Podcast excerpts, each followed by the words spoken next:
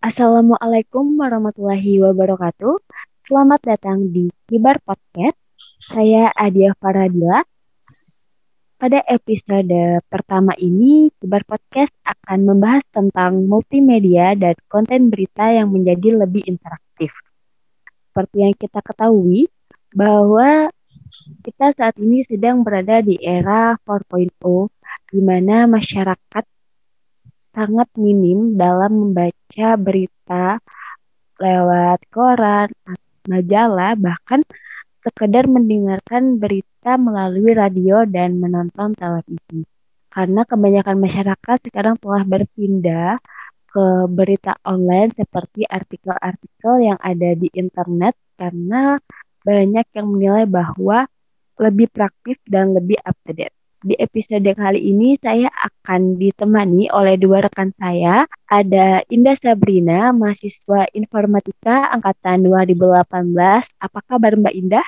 Alhamdulillah kabar baik. Alhamdulillah baik. Dan satu lagi ada Mia Mahayuni Tias dari mahasiswa informatika angkatan 2019. Apa kabar Mbak Mia? Alhamdulillah baik. Alhamdulillah baik. Uh, mungkin untuk saat ini nih uh, kesibukan Mbak Mia dan Mbak Indah sendiri apa sih di masa-masa saat ini di masa-masa sekarang ini? Sama seperti mahasiswa pada umumnya yang kuliah online gitu kan. Sekarang juga ada ujian UAS gitu juga tugas-tugas. Banyak tugas ya. Kalau saya sendiri sih kurang lebih aja ya sama kayak Mbak Indah tadi uh, lagi sibuk sama tugas kuliah, terus laporan-laporan proyek akhir. Ya kurang lebih aja lah. Anu ya lagi di masa-masa berpikir keras. Lagi iya di masa-masa mental di dipertanyakan. Oke, okay, mungkin uh, ngomong-ngomongin tentang multimedia nih, menurut Mbak Indah dulu deh, apa sih definisi multimedia itu sendiri? Definisi multimedia. Mungkin multimedia kan nggak cuma terpatok satu kan jadi banyak banyak cabangnya gitu kan. Mungkin dari saya itu ke pembelajaran yang berkesan. Jadi dapat diartikan bahwa media merupakan wahana penyalur informasi belajar atau pesan. Mungkin itu. Lebih ke arah media pembelajaran ya mungkin untuk ini deh untuk Bamia sendiri gimana? Apa sih gambaran tentang multimedia menurut uh, Bamia? Uh, kalau menurut saya sih kan multimedia itu anu ya apa namanya uh, kompleks gitu ya. Jadi kalau kalau saya sendiri itu saya ngambil dari sisi jurnalismenya sih. Kan kalau tadi Mbak Indah dari sisi pembelajaran, saya jadi saya dari sisi jurnalisme. Jadi kalau dari sisi jurnalismenya itu uh, ini lebih mengarah ke ini ya, apa berita. Nah, kalau berita ini kan jadi patokan masyarakat gitu ya buat memperoleh info dari uh, apa namanya? info yang sedang terjadi di luar. Jadi kayak lebih mengarah ke berita aja sih jadi kalau seiring seiring berkembangnya teknologi juga kan. Nah jadi berita ini kan juga semakin berkembang gitu. Yang dulunya orang-orang tuh kan cari berita tuh kan dari koran atau dari mendengarkan radio. Nah seiring berkembangnya dengan teknologi ini beritanya kan juga ikut berkembang jadi berita online. Nah yang bisa diakses melalui handphone. Jadi kayak lebih praktis gitu aja sih. Terus uh, alasannya tuh karena apa ya?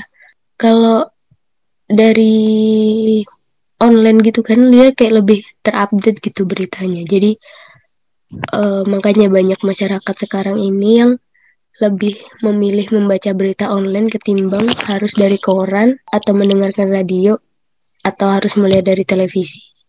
Kita aja sih. Hmm baik. Terdapat dua pendapat yang signifikan ya antara yang mengarah lebih ke arah jurnalisme dan pembelajaran. Mungkin untuk berita-berita dulu deh. Untuk perbandingan deh, saya mau nanya nih ke Mbak Mia sendiri. Perbandingan antara menonton televisi dan e, melihat melihat kabar lewat menonton televisi dan melihat kabar lewat uh, smartphone. Berapa tuh perbandingan perbandingannya? Uh, kalau misalnya perbandingannya ya berapa ya? Kalau perbandingan mungkin 70 banding 30 kali ya. Jadi kan kalau dari online misalnya dari handphone atau semacamnya gitu kan dia kayak lebih apa ya lebih mudah diakses terus dia lebih lebih cepat tanggap juga gitu kalau dari HP kalau info yang dari HP gitu kan kalau yang dari TV itu kan biasanya dia ini dulu kan cari yang ini harus diseleksi ya, kan biar biar bisa masuk ke televisi itu kan harus diseleksi dulu beritanya kan. Kalau kalau melalui handphone kan dia kayak langsung gitu langsung ke masyarakatnya gitu. Jadi nggak nggak pakai seleksi seleksian gitu lah. Oke berarti uh, memang lebih uh, lebih kayak efektif bukan efektif lebih atau lebih update itu dengan uh, melihat kabar berita dari handphone gitu. Uh, Mbak Indah sendiri sebagai seorang mahasiswa ya, apalagi di masa-masa pandemi saat ini, di mana kan semua pembelajaran itu harus lewat online. Nah, ngomong-ngomongin soal itu, gimana sih multimedia sebagai media pembelajaran itu sendiri dan uh, mungkin untuk contoh-contohnya itu seperti apa? Contoh-contohnya itu ada sih, ada beberapa seperti hmm, media pembelajaran online berbentuk audio itu contohnya ada podcast juga kan, podcast terus sumber belajar dari Kemendikbud Audio seperti radio, terus ada multimedia pembelajaran online berbentuk visual. Itu contohnya seperti Google Classroom. Terus ada Moodle e-learning juga yang sering kita pakai itu. Terus ada multimedia pembelajaran interaktif online berbentuk audio visual. Itu seperti di Zoom, terus Google Meet, di YouTube juga bisa, ruang guru juga itu. Mungkin itu hmm. banyak sebenarnya. Banyak ya, iya karena juga banyak. kita uh, apa namanya karena juga di masa-masa sekarang ini pasti butuhnya platform-platform yang seperti itu. Hmm. Mungkin untuk ini nih, uh, untuk Mbak Mia sendiri, kan Mbak Mia juga seorang mahasiswa aktif. Nah, menurut Mbak Mia sendiri untuk uh, kelebihan multimedia di dalam media pembelajaran itu apa aja sih? Kayak uh, sebagai pengguna nih kan, sebagai pengguna sebagai uh, sebagai pengguna multimedia itu sendiri gimana hmm. menurut Mbak Mia? Uh, kalau menurut saya sih kelebihan yang paling menonjol nih ya dari multimedia itu multimedia pembelajaran nih itu uh, interaktif gitu. Jadi kayak uh, dengan kata lain kayak multimedia itu seperti memaksa pengguna untuk berinteraksi dengan materinya jadi uh, contohnya tuh kayak pengguna menekan keyboard atau melakukan klik dengan mouse untuk berpindah-pindah halaman kan. Untuk atau memasukkan jawaban gitu dari suatu latihan soal dan komputer pun meresponnya. Jadi kayak uh, ya hubungan semacam itulah. Kalau ini dari sumber yang saya dapat nih menurut apa ini menurut fan range itu ada dia memaparkan beberapa manfaat juga dari multimedia pembelajaran bagi penggunanya yaitu yang pertama itu siswa dapat belajar sesuai dengan kemampuannya. Terus siswa belajar dari tutor yang sabar yaitu komputer yang menyesuaikan diri dengan kemampuan siswa. Lalu ada siswa akan terdorong untuk mengejar pengetahuan dan dan memperoleh umpan balik seketika Lalu ada siswa menghadapi suatu evaluasi yang objektif melalui keikutsertaannya dalam latihan atau tes yang disediakan. Lalu yang terakhir itu ada siswa dapat menikmati privasi. Siswa menikmati privasi di mana mereka tidak perlu malu saat melakukan kesalahan. Ya, itu aja sih kalau dari ini yang saya baca-baca. Hmm, lumayan banyak ya kelebihan-kelebihan yang dapat uh, diambil atau yang kita dapat rasakan sebagai seorang mahasiswa juga mengenai multimedia ini. Iya betul. Karena uh, apa namanya uh, banyaknya kelebihan-kelebihan itu pasti juga ada kekurangan kekurangan dari multimedia itu sendiri sebagai seorang mahasiswa nih gimana? Kekurangannya ya mungkin lebih cenderung nggak terbiasa dengan kombinasi berbagai media seperti gambar diam dan bergerak, tes dan gambar yang dihasilkan oleh komputer maupun audio. Terus kontrol terhadap berbagai media ini melalui komputer awalnya membingungkan kan dan bahkan menyusahkan pengguna kita saat menjelajahi isi programnya.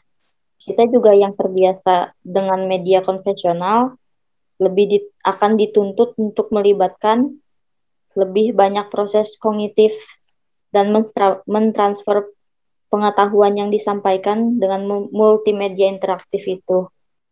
kelemahan lainnya juga dari suatu multimedia pembelajaran ini, menurut Gatot Pramoto yang saya baca-baca di internet itu, adalah ketiadaan atau kelemahan desain instruksional di dalamnya. Tanpa suatu rancangan instruksional yang baik, multimedia pembelajaran bisa saja hanya berupa suatu buku elektronik atau yang sering disebut dengan e-book, di mana aktivitas yang diberikan hanyalah berupa tekan tombol untuk membalik halaman-halaman presentasi. Kelemahan lainnya juga sering muncul adalah pemaksaan adanya simulasi atau animasi untuk menjalankan suatu hal yang jika disampaikan dengan teks atau gambar sebetulnya sudah memadai. Mungkin itu saja. Iya, berarti uh, selain uh, kelebihan yang dirasakan, ternyata juga banyak ya terdapat kekurangan dari multimedia itu sendiri.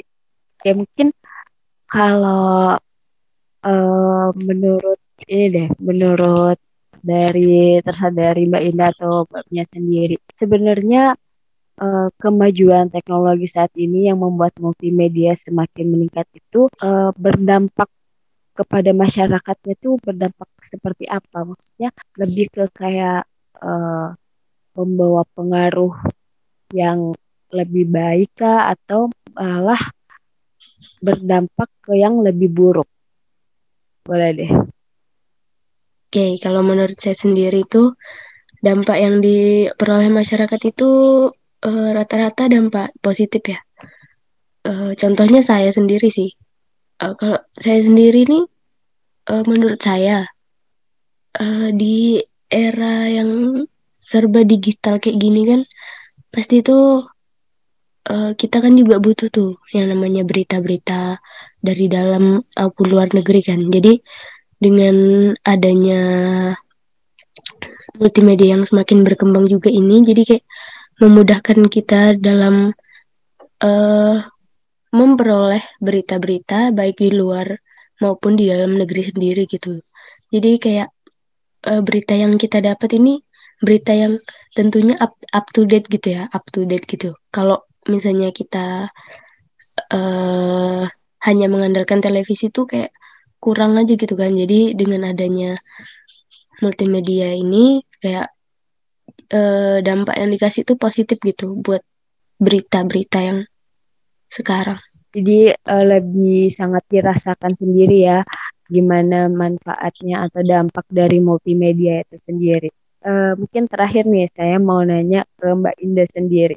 Ada nggak sih tips sebagai seorang mahasiswa nih dalam menghadapi uh, multimedia yang berkembang saat ini? Karena kan selain ada tadi kelebihannya juga ada kekurangannya tuh. Mungkin ada sedikit tips atau apa gitu yang mau diberikan untuk menghadapi uh, perkembangan multimedia itu sendiri.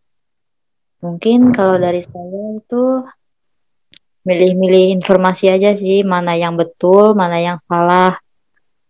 Terus ya menggunakan si multimedia itu dengan sebaik-baiknya, nggak menyalahgunakannya itu. Mungkin itu aja dari saya. Oke, sangat seru ya pembahasan uh, kali ini Mungkin uh, dapat saya simpulkan ya bahwa multimedia itu bisa mencakup banyak hal atau banyak bidang baik uh, dalam hal jurnalisme maupun pembelajaran dalam jurnalisme sendiri. Multimedia ini tentu saja sangat berperan penting terutama dalam berita, salah satunya berita online. Dan dalam hal pembelajaran pun multimedia juga tak kalah pentingnya di mana kita akan menjadi interaktif dengan adanya multimedia ini. Namun kita sebagai pengguna multimedia juga harus uh, berhati-hati gitu dalam menggunakan dan uh, memanfaatkan perkembangan multimedia pada saat ini. Baik, mungkin uh, cukup itu saja pembahasan Kibar Podcast pada episode pertama ini saya mengucapkan banyak terima kasih kepada Mbak Indah dan Mbak Mia atas waktunya. Ya, ya sama-sama Mbak. Iya, terima kasih kembali.